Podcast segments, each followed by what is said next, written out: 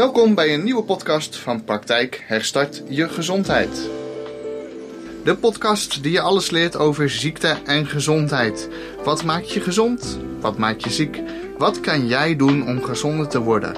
De nieuwste therapieën, de laatste technieken, de beste adviezen. Je leert het allemaal bij deze podcast.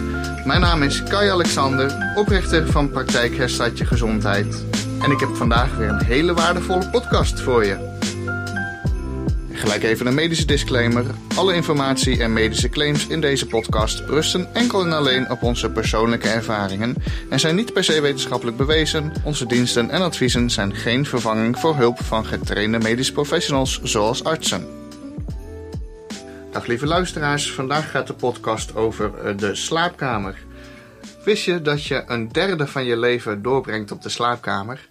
Er zit 24 uur in een dag, een derde daarvan, acht uur lang, zijn we over het algemeen aan het werk. Een derde daarvan gebruiken we voor ontspanning en huishoudelijke taken. En een derde daarvan, acht uur per dag, liggen wij in bed.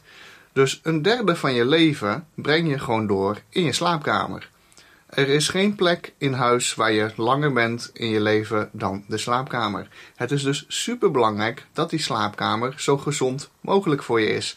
En om beter te zeggen, zo min mogelijk ziekmakend voor je is. Want de slaapkamer is een plek voor rust, voor ontspanning, voor genezing. Tijdens je slaap eh, zijn de meeste reparatieprocessen voor je lichaam, voor je spieren, voor je lever, voor je je ontgiftingsprocessen, je vertering komt tot rust. Er wordt zoveel belangrijke dingen gedaan tijdens je slaap, zoveel hormonale processen. En ook heel fijngevoelige energetische processen komen allemaal in je slaap tot uiting. Zo gaan je hersenen van een hoge trillingsfrequentie van 30 tot 50 impulsen per seconde naar een trilling van maar 1 impuls per seconde. En dat noemen ze ook wel overdag zit je meer in de beta en s'avonds ga je naar de delta. Dus de delta hersenfrequentie, hele lage trillingen, omdat die hersenen gaan op een heel laag pitje tot rust komen. En dat is ook nodig. Maar er kunnen gewoon heel veel invloeden zijn van buitenaf die dat verstoren. Ik heb in mijn podcast met tips over straling verminderen al een aantal dingen genoemd. Er zijn natuurlijk veel meer invloeden van buitenaf in zo'n slaapkamer die meetellen, die de kwaliteit van je slaap kunnen verminderen.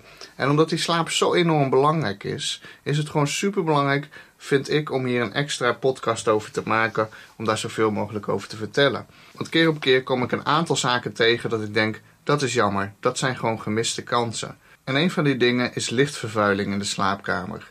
Dat is vaak een veel voorkomend probleem. Alles wat op aarde leeft is namelijk afgestemd op de zonsopkomst en de zonsondergang. Net als tientallen processen die tijdgerelateerd plaatsvinden in de spijsvertering en hormoonhuishouding van de mens. Het lichaam houdt niet alleen de lichtintensiteit bij, maar meet ook de hoeveelheid blauw licht in het licht. Dit vertelt ons lichaam namelijk of het middag, avond of nacht is en kan het dus slaaphormonen, melatonine, of waakhormonen, cortisol, gaan aanmaken, zodat je ochtends lekker fit bent en s'avonds lekker moe bent. Omdat wij onszelf met allerlei lampen langer wakker houden dan we zouden doen, als we het natuurlijke ritme van de zon zouden volgen, verstoren we daarmee het natuurlijke waak- en slaapritme en de natuurlijke hormoonhuishouding. Iedereen die zichzelf langer wakker houdt dan dat de zon schijnt met kunstlicht, verstoort zijn hormoonhuishouding. Dit is een feit. Dit is geen abracadabra. Dit is gewoon meetbaar. Dit is gewoon wetenschap. Het is dus voor een optimale gezondheid van belang dat die hormoonhuishouding die is afgestemd op de aanwezigheid van licht en wat het lichaam dus constateert door te meten hoeveel blauw en rood licht zit er in dat licht. Dat weten we dus overdag is, want overdag zit er veel blauw licht in het licht. En s'avonds zit er helemaal geen blauw licht meer in het licht. Er zit juist heel veel rood licht in het licht. Dat heeft ermee te maken dat de zon dan verder weg is en lager staat, waardoor er andere kleuren in het licht komen door de atmosfeer. En natuurlijk weet je dat ook wel, want iedereen kan zich wel een mooie zonsondergang voorstellen. De hele lucht is rood, oranje. Nou, dat heb je natuurlijk niet overdag. Overdag is het juist meer ja, wit licht, een beetje een blauwig, klein blauwig tintje. Dat is echt de kleur van daglicht. Ja, je hersenen die weten dat. Die meten precies van oké, dat is deze hoeveelheid blauw licht. Dan is het ongeveer zo laat. Dan moeten we deze hormonen ongeveer doen. Oké, en s'avonds meet hij, hé, hey, dat blauwe licht verdwijnt. Er komt rood licht voor terug. Oké, nou weet ik dat het avond wordt. Nou moet ik melatonine, slaaphormonen gaan maken. En ik moet die overdag, die cortisolhormonen waar die me wakker houden, die moet ik helemaal afbreken. En dan ga heel veel melatonine aanmaken. Dan wordt, ik, wordt het lichaam lekker moe. En als het dan straks gaat slapen, dan vallen lekker in een diepe geneeskrachtige slaap. Maar wat gebeurt er dan als je s'avonds jezelf nog blootstelt aan licht, wat eigenlijk de kleur heeft van het licht van daglicht? Dus wat ook veel blauw licht bevat. Dan denkt het lichaam nog, het is dag. Dus de hoeveelheid blauw licht is belangrijk. Nou, welke lichtbronnen bevatten nou in verhouding tot rood licht veel blauw licht? Nou, natuurlijk in je huis uh, blauwe ledjes. Hè, bijvoorbeeld bij de van die standby ledjes uh, op verschillende apparaten. Als dat blauw is, moet je er gewoon eventjes wat duct tape overheen plakken, zwarte duct tape. Zodat dat s'avonds in elk geval geen licht produceert en dat je daardoor niet verstoord kan worden. Maar er zit ook heel veel verborgen blauw licht in heel veel lichtbronnen. Als je bijvoorbeeld kijkt, ledlampen produceren voor het oog een mooi gewoon normale lichtkleur. Maar als je het licht gaat ontleden, dan zit er heel veel blauw licht in dat licht. Dus er is heel veel blauw en een beetje groen en een beetje rood. En dat wordt allemaal met elkaar gemengd tot wat dan uiteindelijk samen het warme licht geeft wat je gewend bent. En wat heel veel blauw licht bevat is dus ledlampen, spaarlampen en TL-buizen. Die dingen die moet je eigenlijk in de avond vermijden als de pest. Dus wil je s'avonds je huis verlichten, dan doe je dat alleen met gloeilampen en halogeenlampen. En het allerbeste is misschien nog wel een bijenwassen kaars. Want een kaars is gewoon een verbrandingsproces wat helemaal geen blauw licht bevat. En eigenlijk gewoon het licht van dezelfde kwaliteit bevat als normaal zonlicht. Maar uh, uiteindelijk is het dus ook belangrijk dat er zo min mogelijk licht is. Dus de intensiteit moet laag zijn. Geen felle lampen s'avonds aan. Gewoon een zacht gloeilampje van 15 watt is voldoende om s'avonds een boekje bij te kunnen lezen. Of om bij op de bank te zitten. De televisie, hetzelfde verhaal. De televisie is een groot paneel met allemaal kleine ledlampjes. Die kun je instellen s'avonds zodat die wat minder fel is. Kun je gewoon de kwaliteit van het licht wat omlaag zetten. Uh, de telefoons hebben vaak ook een soort van app ook erop zitten. Dat je s'avonds het licht wat geler kan maken op je telefoon. Een soort van night shift stand. Kun je ook even kijken of dat mogelijk is op jouw telefoon. Dus zodat je s'avonds eigenlijk minder uh, blauw in het licht hebt zitten en alleen lichtbronnen gebruikt die armer zijn aan blauw en vooral meer rood en oranje lichtkleuren produceren. Ook als je je huis verlicht, met van die systemen waarvan je de kleur kan veranderen. Bijvoorbeeld uh, van Philips Hue of zo en ledstrips waar je de kleur van kan veranderen. Zet ze s'avonds altijd op de warmste stand. Rood-oranje. Misschien is het niet de mooiste kleurlicht en lijkt je hele huis op een bordeel, maar dat is wel het beste voor jouw hersenen s'avonds om te gaan denken: hé, hey, het is avond, we gaan straks slapen, ik ga alvast allemaal goede hormonen maken voor een goede kwalitatieve slaap. Andersom werkt het natuurlijk ook. Dat geldt dus ook ochtends als het daglicht in je slaapkamer komt op het moment dat jij nog niet wakker wil worden. Stel bijvoorbeeld in de zomer, dan is het heel lang licht. S'avonds zit je nog lekker tot een uur of half elf buiten. Is het nog lang licht. Je gaat nog een uurtje tv kijken daarna. Je gaat om 12 uur naar bed. Het is al een uur of twee donker s'avonds. En eigenlijk had je dus al twee uur lang ook donker moeten zijn. Maar je houdt jezelf met kunstlicht langer wakker. Je gaat naar bed. En vervolgens ochtends om 6 uur is het al licht. Jij bent nog in een diepe slaap. Maar jouw hersenen, die nemen echt waar dat het gewoon al licht wordt. Die kunnen gewoon al voelen van hé, hey, er komt licht. En wat gaan de hersenen doen? Bij het eerste minste beetje licht gaan de signalen naar de hormoonproductie dat de cortisol geproduceerd moet worden. Cortisol kennen we ook wel als het stresshormoon. De mensen die veel stress hebben, die hebben ook veel cortisol. Maar eigenlijk is het gewoon een natuurlijk hormoon wat je lichaam ochtends produceert in een grote hoeveelheid om jou wakker te maken. Om te zorgen dat als je wakker wordt, dat je ook gewoon gelijk fit bent en denkt van ja, ik kan van alles gaan doen, ik ben niet meer slaperig. Dus als je ochtends te vroeg al licht op je slaapkamer hebt, omdat je je slaap s'avonds met kunstlicht uitstelt en ochtends dus gewoon eigenlijk nog lekker een uur of twee uur wil blijven slapen, maar dat licht is al aanwezig in je slaapkamer, dan worden er dus allemaal al hormonale processen getriggerd in je lichaam die dus de kwaliteit van jouw slaap dan direct afbreken, waardoor je in een oppervlakkige slaap terechtkomt. En dan zul je ook zien dat je misschien veel gaat dromen, maar die slaap is dan niet meer van de diepe geneeskrachtige kwaliteit. Genezingsprocessen worden direct stopgezet en het wordt wakker mechanisme wordt getriggerd. En dan kun je een paar keer op de wekker drukken en denken, draai me nog een keer om. Maar iedereen weet wel, hoe vaker je op die wekker drukt, hoe vaker je omdraait, hoe brakker je eigenlijk bent gedurende de dag. Want dat is niet de natuur. Je wordt wakker, de hormonen die gaan zeggen van hoppa, wakker worden. Dan moet je er ook gewoon uitgaan. Dan moet je niet blijven liggen. En je wordt wakker door licht. En zoals ik dus al zeg, een van de belangrijkste uh, natuurlijke wekkers zijn daglicht. Want dat is gewoon de natuur. De dieren leven mee met licht. S'avonds wordt het donker, je gaat slapen, s ochtends wordt het licht, je wordt wakker. Want je wilt niet slapen als het licht is, want als het licht is, komen de roofdieren ook. En als jij lekker ligt te tukken in de middag, denkt zo'n deel, nou dat is makkelijk, hapslik weg. Dus het is gewoon heel erg natuurlijk om met het licht mee te leven. Maar dat willen we natuurlijk niet. Ik ook niet. Ik wil niet s'avonds in de winter, als het al om vijf uur donker wordt, naar bed gaan. Ja, dag. Ik heb meer te doen. Dus ik hou mezelf ook langer wakker. Maar wat ik wel absoluut in de gaten hou, is dat ik s'avonds mezelf uh, blootstel aan minder blauw licht. En uh, als ik s'nachts uit bed ga, dat ik absoluut geen normaal licht of blauw licht te zien krijg. Want er is namelijk een klein trucje uit te halen, waardoor je hormoonproductie niet getriggerd wordt. Ga ik je zo vertellen. En ik zei al van, s ochtends kun je gewekt worden op je slaapkamer door de zon. Maar ja, dan heb je ook nog een groot probleem. Dat is dus de lichtvervuiling van straatverlichting in de buurt van uw huis. Dat verstoort ook een optimale hormoonhuishouding. Want als jij een lantaarnpaal voor je deur hebt staan, dan is het eigenlijk helemaal nooit donker. Dus ja, dan denkt je lichaam, het is nooit nacht.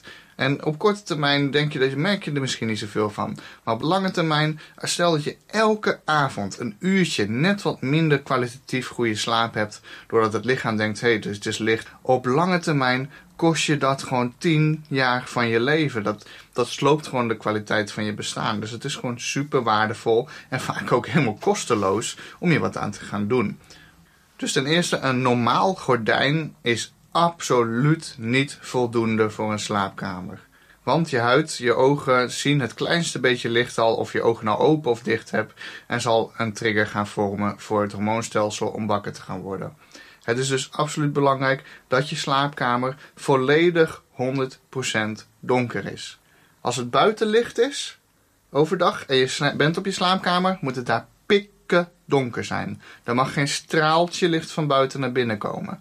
Nou, dat kun je natuurlijk ook niet oplossen met een gordijn of een zonsverduisterend rolgordijn of zo. Daar komt gewoon nog te veel licht doorheen. Je moet je ramen echt afplakken met zwarte folie. Ik weet, het ziet er niet uit, dus plak desnoods aan de andere kant van de ramen een ander leuk kleurtje folie. Maar je moet zorgen dat er geen straaltje licht door je slaapkamerraam naar binnen kan komen, zodat je ochtends niet getriggerd wordt.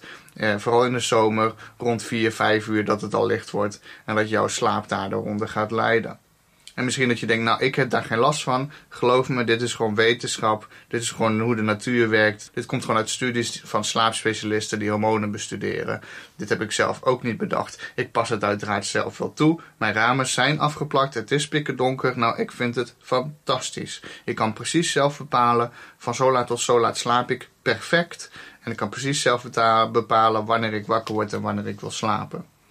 En ik slaap sindsdien gewoon veel dieper, veel krachtiger. Ik voel me veel beter vrij, waardoor ik ook wat korter kan slapen. Terwijl ik eigenlijk gewoon een uur korter slaap hou, hou ik toch dezelfde uh, geneeskrachtige kwaliteit eruit. Zodat ik ook weer meer tijd over heb om andere dingen te doen. En ik voel me nog beter dan voorheen toen ik eigenlijk langer sliep, omdat eigenlijk de kwaliteit gewoon slechter was.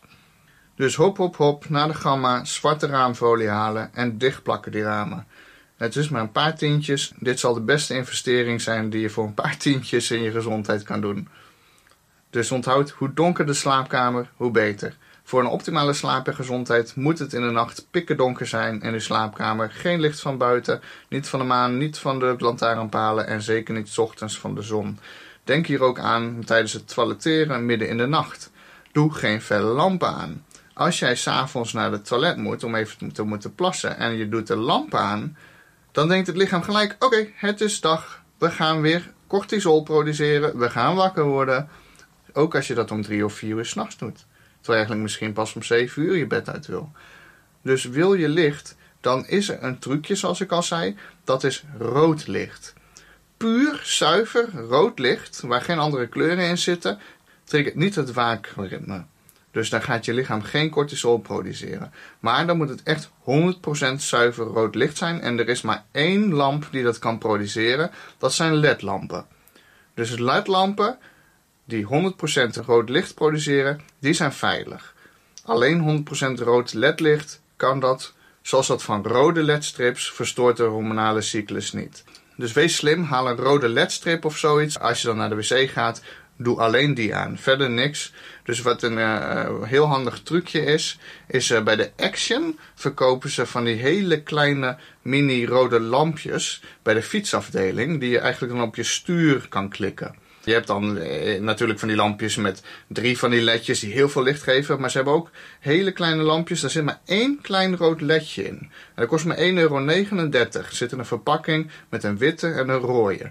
En uh, dat is dan eigenlijk voor als je zeg maar bent vergeten om je fietslamp aan te doen of zo. Dat je dan even snel die erop kan doen. Nou, dat is echt ideaal om mee naar het toilet te gaan. Want je klikt hem aan. Je hebt één rood ledlampje erin zitten. Je kunt zien wat je doet. En vervolgens loop je weer terug naar de slaapkamer, klik je hem weer uit. Hang hem weer aan een schroefje die je gewoon naast je bed hangt. Er zit gewoon een klein lipje aan, kun je hem zo ophangen. Ideaal. Trouwens even over dat naar de wc gaan. Ja, je moet natuurlijk ook voor een goede diepe slaap moet je je wekprikkels verminderen. Want een volle blaas die geeft constant wekprikkels af. Wat een kwalitatief langdurige diepe slaap verstoort. Als jij een paar keer per nacht eruit moet om naar het toilet te gaan, ja, dan moet het hele lichaam in beweging komen en dan slaap je toch minder goed. En natuurlijk kun je zeggen, ja, maar ik moet gewoon veel plassen. Ik snap het helemaal. Dat heb ik ook. Moet u vaak midden in de nacht naar het toilet? Dat doet er dus verstandig aan om na het avondeten niet meer te gaan drinken. Het is gewoon een simpel trucje. Bij het avondeten drink je gewoon je laatste glas. De meeste mensen doen het rond een uur of 5, 6, 7 en gaan rond een uur of 10, 11 naar bed. Dus dan heb je gewoon al 3, 4 uur voordat je naar bed gaat, heb je niks meer gedronken. Het laatste drinken wat je hebt gedronken tijdens het eten is al als goed is voor het grootste gedeelte al uitgeplast. Misschien moet je nog één keer rond een uur of twee naar het wc. Maar geloof me, je gaat veel minder vaak plassen als je gewoon na het avondeten niet meer drinkt. Dat is echt een superbelangrijke tip. Helpt mij enorm. Dus uh, doe je er je voordeel mee. En het matras waar je op slaapt is ook gewoon heel belangrijk om dekprikkels te verminderen. Want een te hard matras, ja, daar ga je meer op draaien en zul je gewoon vaker wakker worden. Dus de volgende keer dat je een nieuw matras nodig bent, koop er dan eentje met koud schuim of een traagschuim matras. Zonder die springvering en pocketvering. Want die metalen delen, die, die springveren en uh, die veren in die matrassen, ja, dat trekt de straling aan en verstoort je hele complete elektromagnetische veld. Het is echt niet normaal als je met een meter gaat meten direct aan de boven- of onderkant van zo'n pocketveer uh, nou, daar heb je dus een hele sterke concentratie van elektromagnetische velden. Het trekt de complete energie gewoon uit je lichaam. Slechtste uitvinding wat ze ooit hebben gedaan. Het ligt lekker, ik snap het. Maar pocketveermatrassen, als je er een hebt en je hebt wat geld over, koop gewoon een normaal koud of traagschuimmatras. Zodat je gewoon geen metalen delen erin hebt. Dit geldt trouwens ook voor het bed. Het liefst zo min mogelijk metalen delen. Ik zie wel eens bedden die hebben helemaal een metalen frame absoluut geen goed idee. Je moet eigenlijk gewoon een, bed hebben wat helemaal metaalvrij is. Dan kost dat nogal wat. Uh, maar uh, je kunt ook gewoon kijken voor een houten bed. Daar zitten misschien een paar schroefjes in om de boel met elkaar te houden. Maar in elk geval is het uh, voor 95% metaalvrij. En dat zou zeker een, een hele verbetering zijn als je nou een metaalbed hebt. met, en dan in het ergste geval ook nog met pocketvering matras. Nou, dat verstoort zo erg jouw elektromagnetisch veld. Uh, dat, dat is geen kwalitatieve slaap wat je daar nog uit kan halen. Ik snap, een uh, matras kopen kan een behoorlijke investering zijn. Ik ben zelf wel enthousiast over de matrassen van Ravensberger. Dat is een Duitse leverancier en fabrikant. En die stuurt het dan direct op naar je huis. Is wel aardig betaalbaar. Um, in mijn caravan gebruik ik het Emma matras. Daar ben ik op zich ook wel aardig over te spreken. Maar ik moet zeggen, met mensen die iets zwaarder zijn zoals ik, merk je wel dat het wat sneller minder wordt dan dat ik van Ravensbergen gewend ben.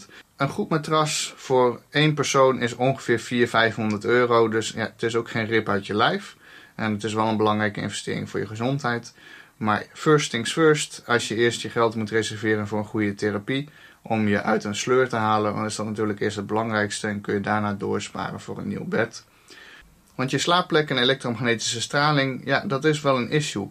Kijk, ik heb dat natuurlijk al eerder uitgelegd. Maar als je veel elektrische apparatuur rondom, onder, in, naast je bed hebt. Ja, daar komen gewoon elektromagnetische velden vanaf. Dit is geen abracadabra, dit is gewoon meetbaar. En dat beïnvloedt je. En het is ook meetbaar zelfs hoe het je beïnvloedt. Ik heb zelf thuis bijvoorbeeld ook een apparaat. Daarmee kun je het voltage op je lichaam meten. Dus hoeveel volt hoeveel stroom zit er op dit moment op je lichaam, stroomt er door je lichaam. Nou, als je dan gewoon zeg maar buiten staat, uh, geen elektriciteit in de buurt, is dat heel weinig. Dan is dat misschien 30 of 40 millivolt. Echt super weinig. En als je jezelf aardt, dan wordt het nog minder. Maar ga je gewoon binnen zitten op een plek waar niet te veel stroom in de buurt is, dan kan het zo al oplopen tot 200, 300 millivolt. En ga je slapen op een bed waar elektriciteitskabels onder het bed lopen, bijvoorbeeld doordat het een elektrisch verstelbaar bed is, of dat er een kabel op of direct naast je bed langs loopt voor een lampje of zo. Nou, dan kan het zo al oplopen tot 500 tot 1000 millivolt. En dat is verschrikkelijk slecht voor je gezondheid, want je zet eigenlijk al je cellen constant onder spanning. Dus jouw lichaam die pakt gewoon die elektromagnetisch veld, wat wordt uitgestraald door een elektriciteitskabel, dat gaat ongeveer een meter ver. Die pakt dat gewoon op, trekt al die energie naar zich toe en gaat jouw lichaam dat gewoon naar zich toe trekken. En dat kun je dus ook gewoon meten. Als je dus een voltmeter op je lichaam zet, kun je gewoon meten hoeveel volt trekt mijn lichaam aan. En zoals ik al zei, dus als je elektriciteits kabels, apparatuur hebt in de buurt van je bed, een televisie aan de muur van je voeteneind of wat dan ook. Je kunt het direct meten. Het, het is echt zo bizar. De meeste mensen denken van oké, maar het staat uit. Dus er is niks aan de hand. Nou, dus niet. Ik zal je een voorbeeld noemen. Ik heb een lichtslang op mijn slaapkamer. Zo'n mooie ouderwetse lichtslang uh, met mooi lekker geel warm licht. En uh, die heb ik langs het plafond heb ik die, uh, vastgemaakt. lekker romantisch, toch? Nou, moet je je voorstellen dat op het moment dat die uitstaat, ik heb er gewoon een, eh, switch tussen zitten, geef, geeft hij nog zoveel straling af dat ik gewoon in plaats van 30, 40 millivolt pak ik gewoon 120, 150 millivolt op mijn lichaam.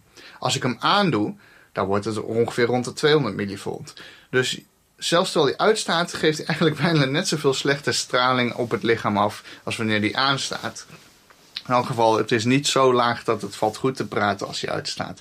Dus toen ik dat eenmaal door had en dat, dat had gemeten, heb ik natuurlijk gelijk de stekker uit dat ding getrokken. Ik denk, dit is niet goed. En daar kun je zelf zoals ik als stralingsdeskundige nog wel aardig op verkijken. Dat uh, je denkt, nou dat hangt meters van je af, maar dat creëert toch weer een heel spanningsveld in zo'n slaapkamer. En zo is het al helemaal verschrikkelijk met elektrisch verstelbare bedbodems. Dat is toch wel zo verschrikkelijk. Want je ligt niet alleen op allemaal kabels en een motortje. In die motor zitten ook weer allemaal magneten. Want dat is hoe een motor werkt. Die geven ook weer een bepaalde kracht af. En uh, nou, ik heb mensen gehad die bij me kwamen en zeggen van... Oh, ik heb toch zo last van hartritmestoornissen. En ik heb me toch... Oh, ik slaap zo onrustig. En dan zeg ik van, heb je een elektrisch verstelbaar bed? Ja. En ik zeg, trek, uh, trek de stekker er maar uit s'avonds. En bam, het probleem was in één keer opgelost. En als je nog een stapje verschrikkelijker in der verschrikkelijkheid ter bedden wil gaan... dan moet je echt een waterbed kopen. Dat is echt het allerslechtste wat je kan doen. Een waterbed, dat geeft zo'n enorm spanningsveld af... Dat is echt absoluut niet goed te praten. Dat is absoluut ziekmakend en kankerverwekkend. En dan moet je, als je dat hebt, gelijk een andere slaapplek zoeken. Maar ja, dat vertellen ze je bij de beddenverkopers niet. Die willen gewoon een bed verkopen. Ik kan me nog wel herinneren toen ik tien jaar geleden bij het Beter Bed aankwam en ik zei van ik wil een bed zonder metaal. Want uh, ja, ik uh, wil gewoon geen elektromagnetische belasting. Dat ze me echt zo aankijken van, ah, daar heb je weer zo'n geitenwolle sokken figuur. Ja, zeiden ze. We hadden laatst ook iemand die kwam hier met een pendeltje. En die ging alle bedden uitpendelen welke de minste straling had. Ik zeg, nou mooi, welke had de minste straling volgens hem? Hij zegt deze. Ik zeg, nou doe me die nou maar. En uh, nou ja, dat is toch uh, iets om rekening mee te houden. En een verkoper, die weet er de ballen van. Uh, die wil gewoon een bed verkopen. En die, wat, wat jij een mooi bed vindt en lekker vindt lichten. En hem zal het al lang prima zijn. Maar welk bed is nou eigenlijk het beste voor je? Ja.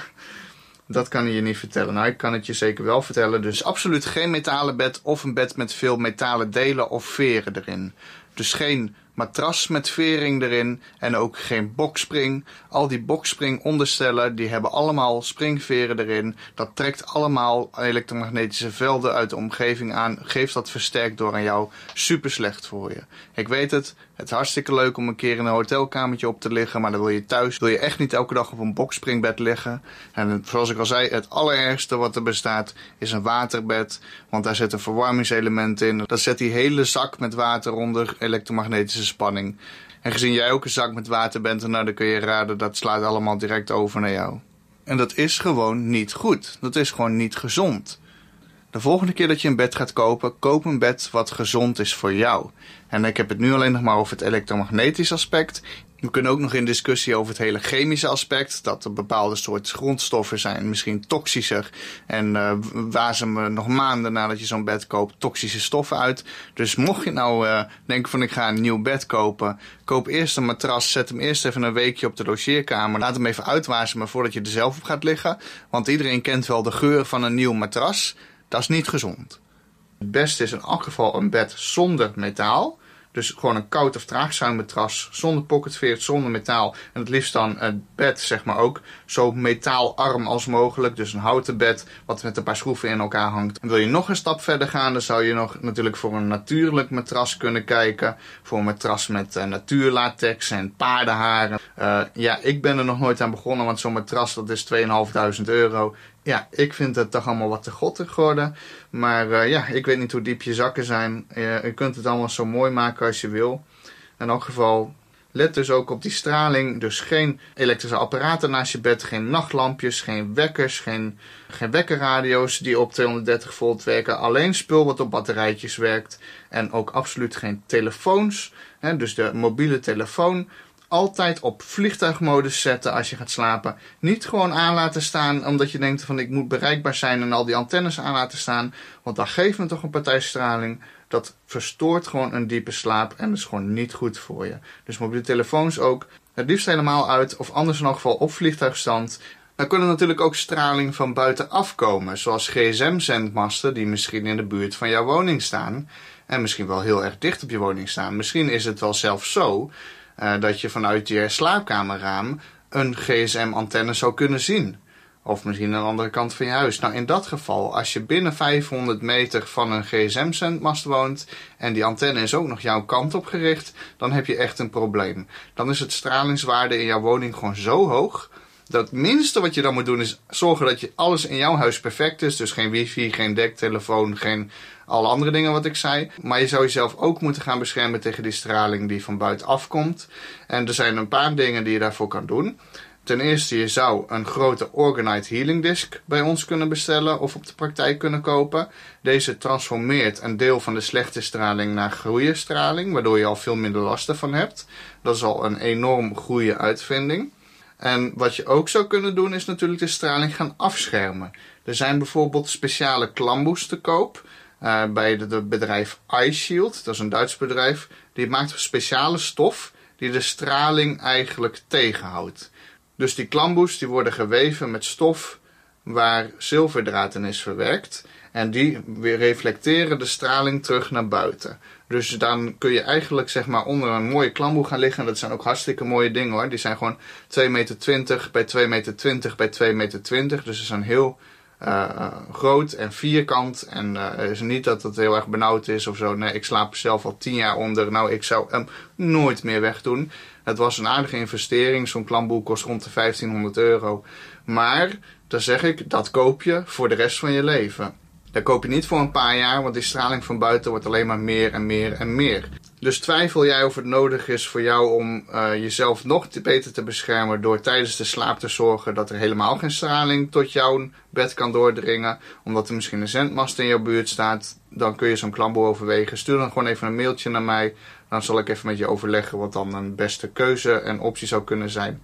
En ik kan ook nog extra korting voor jou regelen, omdat ik gewoon kan inkopen bij hun en ik deel met jou gewoon die korting. Dus um, dan kun je mij gewoon even een mailtje sturen naar herstart-je-gezondheid@outlook.com.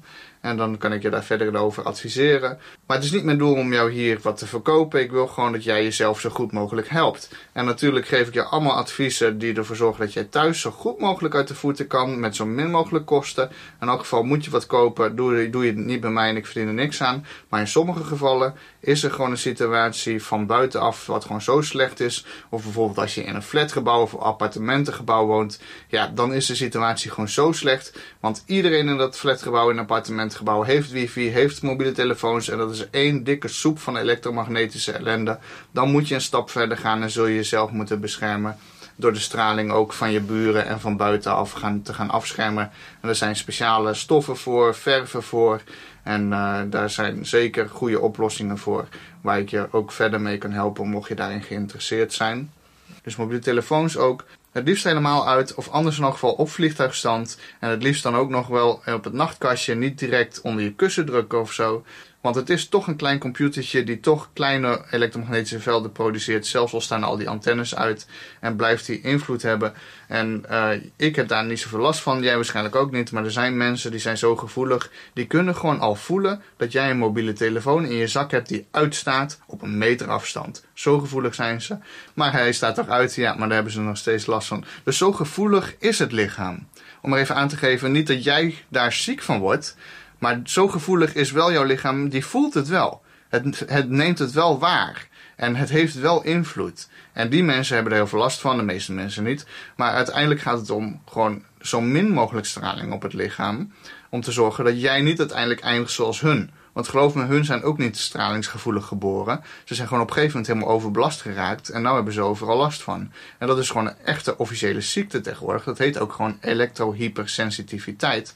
Nou geloof me, als je daar eenmaal in zit, krijg je een soort van auto-immuunziekte. Wat getriggerd wordt door elektromagnetische velden. Nou, dan ben je absoluut niet blij. Tenzij je natuurlijk naar praktijk je gezondheid komt, dan kan ik je daar binnen een paar weken weer van genezen. Maar de meeste mensen zullen dat niet doen, want die durven nog niet eens hun huis uit te komen.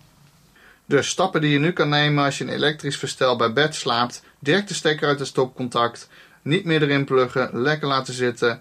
Niet meer erin pluggen. Verwijder alle stroomkabels op, onder, naast het bed. Nooit een klok uh, en lampjes en dat soort dingen die op 230 volt werken. Allemaal weghalen. Gewoon een lekker schone slaapkamer zonder elektrische apparaten.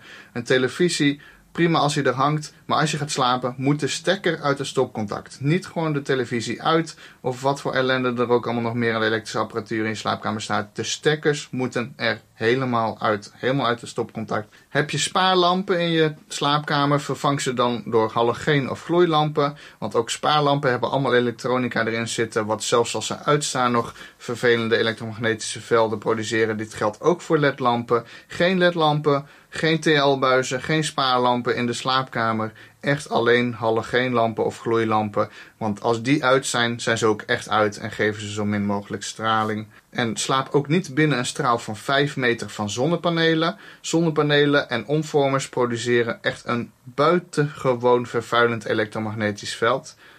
Dus als je allemaal je hele dak hebt vol liggen met zonnepanelen, dat is sowieso al niet echt een heel erg showvol idee. Maar ga je daar ook nog onder liggen, omdat je een mooi schuin dak hebt en jij slaapt dan uh, in de slaapkamer met een schuin dak en er liggen zonnepanelen op het dak. Nou, dan kun je er donder op zeggen dat elke ochtend, zoals de, zo gauw als de zon opkomt, komt er zo'n groot spanningsveld, die sloopt jouw kwalitatieve slaap direct. Je hersenen die gaan gelijk in een, van een diepere delta naar een hogere alfa, beta en theta frequentie.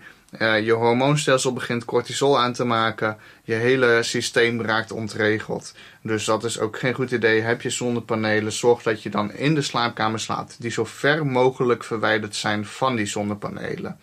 Er is maar één manier om dit te voorkomen. Dat is als de zonnepanelen zijn aangesloten op een accusysteem. Dus bijvoorbeeld met een caravan of een camper, dan heb je dus een zonnepaneel. Die laat een accu op en dan blijft het dus gelijk stroom. Dan geeft het geen elektromagnetisch spanningsveld af.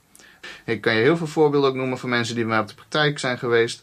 En dan voelen ze zich doodziek. En ze zeggen, nou, dan en dan is het begonnen. Ik zeg, uh, is er iets veranderd toen aan huis? Nee. Ik zeg, heb je toen zonnepanelen genomen? Ja. Nou, dan weten we dus gewoon gelijk hoe laat het is. Dan moet dat systeem dus eigenlijk weer omgebouwd worden. Dat je vanuit de zonnepanelen naar een accu gaat opladen. En dat die accu, dat daaruit stroom wordt gepakt. Maar dan heb je wel een systeem wat goed is voor jou. Geen enkele zonnepaneelinstalatieboer die weet hier iets van. Het is echt verschrikkelijk, want ik heb nu uh, een nieuw huis gekocht. Er zitten zonnepanelen op, ik wil het laten ombouwen. Ik leg het uit aan die mensen die hebben echt zoiets van, nou Kai, uh, wat, wat jij nou allemaal vertelt over elektromagnetische velden, wat boeit dat nou? Weet je, wat interesseert dat nou? Ik zeg, nou, ik wil dat het goed is voor mijn portemonnee, maar vooral ook goed voor mijn gezondheid. Dus uh, nou ja, uiteindelijk iemand gevonden die er wel verstand van had. En die gaat dat allemaal voor mij veranderen. Zodat op het moment dat ik straks uh, daar ga wonen, het gewoon allemaal in orde is. Ook nog een hele belangrijke tip. Zorg dat de wifi tijdens je slaap is uitgeschakeld. Want heel veel hebben natuurlijk de mensen hebben gewoon Uh, het internetmodem dat in de meterkast zit, die produceert ook een wifi-signaal, een draadloos internetsignaal. En dat is ook heel slecht voor de gezondheid en met name slecht voor de slaap, omdat het dus uh, voorkomt dat je hersenen in een diepere delta-frequentie, uh, de geneeskrachtige, rustgevende frequentie, uh, kunnen komen. En daarom is het dus ook heel belangrijk dat op het moment dat je slaapt, die wifi in huis uitstaat. Dus je kunt natuurlijk elke avond naar je meterkast hobbelen en die uit gaan zetten. Je kunt er ook gewoon heel slim zijn en een tijdschakelklok erop zetten. Want de meeste mensen die hebben toch wel redelijk vaste slaaptijden. Als jij gewoon weet, nou ik ga elke dag om 12 uur naar bed. Ga naar die meterkast, zorg dat om 12 uur, gewoon met een tijdschakelklokje die je voor een paar euro bij de bouwmarkt koopt. Om 12 uur dat internet uitgaat. En uh, om 7 uur springt hij weer aan. Dus op het moment dat jij s ochtends een keer wakker wordt en uh, naar de douche gaat, uh, heb je alweer internet. En dat is gewoon zo'n simpele truc. Een paar euro kost je dat. Even 10 minuutjes van je tijd om dat even te plaatsen. En dat gaat jou elke avond helpen om dieper en beter te slapen. En als je een stap verder wil gaan, dan bel je natuurlijk gewoon je internetprovider op. Zeg ik wil die wifi helemaal uitgeschakeld. En sluit je gewoon je computer met een kabel, met een netwerkkabel aan. is nog een stuk veiliger ook. Want uh, die wifi-modems kunnen natuurlijk super makkelijk gehackt worden. Ik heb een maat van me, die is ethisch hacker. Nou, maakt niet uit welk huis. Hij kan binnen vijf minuten zit hij op jouw computer. Al je bestanden. Hij kan zo alles eraf halen. Al je foto's. Gewoon om via je wifi. En uh, dat is super makkelijk te kraken. Ze hebben er gewoon standaard toeltjes voor. Dat is echt bizar. Je moet eigenlijk helemaal geen wifi in huis hebben. Als ook maar uh, je bestanden op je computer je enige waarde aan hecht dat uh, anderen dat niet mogen zien die informatie wat allemaal op je computer staat en ook je wachtwoorden van je e-mail dus en misschien van je bankgegevens of je PayPal of wat dan ook, wat allemaal met jouw computer aan wachtwoorden is opgeslagen. Uh, ik zou geen wifi nemen, nooit van mijn leven niet meer, want het is gewoon zo makkelijk te kraken en het is gewoon zo verstorend voor je slaap. Dat uh, moet je gewoon even wat tijd en moeite gaan investeren om dat te gaan veranderen. En een ander belangrijk ding voor de slaapkamer, wat ik gewoon uh, heel vaak mis zie ga, gaan, is ventilatie. Want zuurstof is vijand nummer 1 van ziekmakende micro-organismen zoals bacteriën, schimmels. En een goede ventilatie in huis en in je slaapkamer is om deze reden dus ook heel erg belangrijk. Nog in mijn tijd dat ik woonbioloog was en bouwbiologische onderzoeken deed bij mensen, bleek gewoon dat 90% van de woningen, en met name ook de slaapkamers die ik doormat, die had gewoon een te slechte ventilatie. Die had een te hoog koolstofdioxidegehalte in de lucht door een slechte of gewoon zelfs afwezige ventilatie. En koolstofdioxide, dat is in hoge dosissen giftig voor de mens. En het is een afvalproduct dat vrijkomt bij de verbranding van zuurstof in onze eigen cellen. Wij produceren dus zelf koolstofdioxide en ademen dit uit. Dus we ademen zuurstof in en we ademen koolstofdioxide uit. En de bomen en planten die doen het tegenovergestelde. Die ademen de koolstofdioxide, CO2 in en die ademen de zuurstof uit. Dus dat is een hele mooie symbiose. Maar als je in een gesloten ruimte zit zonder bomen, uh, zoals je huis of je slaapkamer. En geloof me, die paar kamerplantjes die gaan echt niks uithalen. Ja, dan uh, moet je dit dus oplossen door constant zuurstof van buiten de woning naar binnen te brengen. Uh, of andersom door de slechte koolstofdioxide rijke lucht af te zuigen. Zodat de zuurstof van zodat de zuurstof wel door alle spleten en ramen weer naar binnen trekt. Dus verblijf je in een slecht geventileerde ruimte, zoals een slaapkamer waar de ramen dicht zitten, dan wordt de zuurstofconcentratie gaandeweg de nacht steeds lager en de concentratie koolstofdioxide wordt steeds hoger. Dat is, daar is een bepaalde standaard voor. In huis mag het uh, koolstofdioxidegehalte niet boven de 800 ppm, dat is een bepaalde standaard komen. Je moet het even zo vergelijken. Buiten is er 400 ppm CO2, uh, gemiddeld huis binnen is, uh, nou ja, zou dus niet boven de 800 ppm CO2 mogen zijn. En boven de 1000 wordt het al slecht voor je gezondheid. Nou, hebben ze wel onderzocht. Een gemiddeld klaslokaal zit al op 5000 ppm. Vijf keer wat het maximaal zou mogen zijn. Want klaslokalen ook zijn vaak slecht geventileerd. Nou, vind je het gek dat die kinderen concentratieproblemen krijgen. Maar thuis uh, zie ik dat de gemiddelde woning zit ongeveer rond de 1500, 2000 ppm. Dus al bijna twee keer de maximale waarde wat eigenlijk verantwoord is aan koolstofdioxide, heeft gewoon een gemiddelde woonkamer. En de slaapkamer kan dat nog wel verder oplopen gedurende de nacht. Soms wel tot 5000 of 10.000 ppm. En dan heb je gewoon een ziekmakende lucht wat je gewoon elke avond inhaamt. En als je met z'n tweeën op een slaapkamer ligt, dan gaat dat natuurlijk nog twee keer zo snel. Dus daarom, als je ramen hebt, zet altijd de ventilatieroosters van alle ramen in huis open, zodat de ruimte goed kunnen doorluchten. Want er is toch een natuurlijk systeem dat uh, als er ergens veel zuurstof is, uh, buiten en binnen, dus heel weinig, dan wil dat met elkaar gaan vermengen. Dus er komt altijd wel wat trek in de ruimte, zodat dat gaat vermengen. En hoe sneller je natuurlijk dat voor elkaar krijgt, hoe beter. Dus sowieso alle ventilatieroosters openzetten. En als je over mechanische ventilatie beschikt, zoals een centraal afzuigsysteem, laat deze dan altijd aanstaan en het liefst op de maximale stand als je niet maar kan meten of uh, een lagere stand verantwoord is. Dus uh, dat is natuurlijk het mooiste, dat je gewoon een afzuigsysteem hebt die constant zeg maar de lucht in jouw huis ververst, doordat hij het afzuigt. Als ik een huis huur of koop waar geen mechanische ventilatie aanwezig is, ik zou het altijd direct installeren. Op de slaapkamer hetzelfde verhaal. Op de slaapkamer moet constante een luchtverversing zijn. Dus alleen een ventilatierooster is eigenlijk voor de slaapkamer gewoon niet voldoende. Daar moet gewoon een mechanische afzuiging op de slaapkamer zijn die constant die lucht ververst. En dat hoeft allemaal niet heel duur te zijn. Een goed ventilatiesysteem is een paar honderd euro. Moet je misschien even een handige Harry bij hebben om dat goed aan te sluiten. Maar het kan de kwaliteit van je slaapkamer, de luchtkwaliteit enorm verbeteren. En dus ook de kwaliteit van je gezondheid.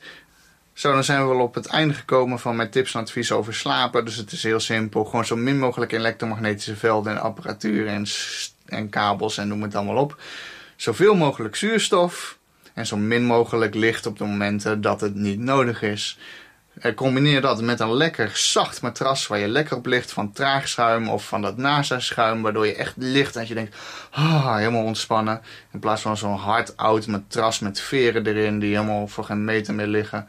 Uh, dan gaat je slaapkwaliteit enorm omhoog. En dat zal gewoon jouw gezondheid heel erg te goed doen. Want zoals ik in het begin al zei, het derde van onze tijd zijn we aan het slapen. Het derde van ons leven zitten we in onze slaapkamer. Dat wil je gewoon helemaal picobello in orde hebben. En met deze belangrijke tips en adviezen die ik jou vandaag heb gegeven, kun jij de eerste stappen zetten naar een optimale slaapkamer. En het hoeft allemaal niet in één keer. Het is niet dat je gelijk denkt van, oh, ik moet nu een nieuw bed kopen. Nee, begin gewoon eens met de dingen wat je nu kan doen. Begin gewoon met de simpele tips en adviezen van dingen veranderen en andere keuzes maken die misschien helemaal geen geld kosten of maar een heel klein beetje geld kosten. En ga dat eerst doen.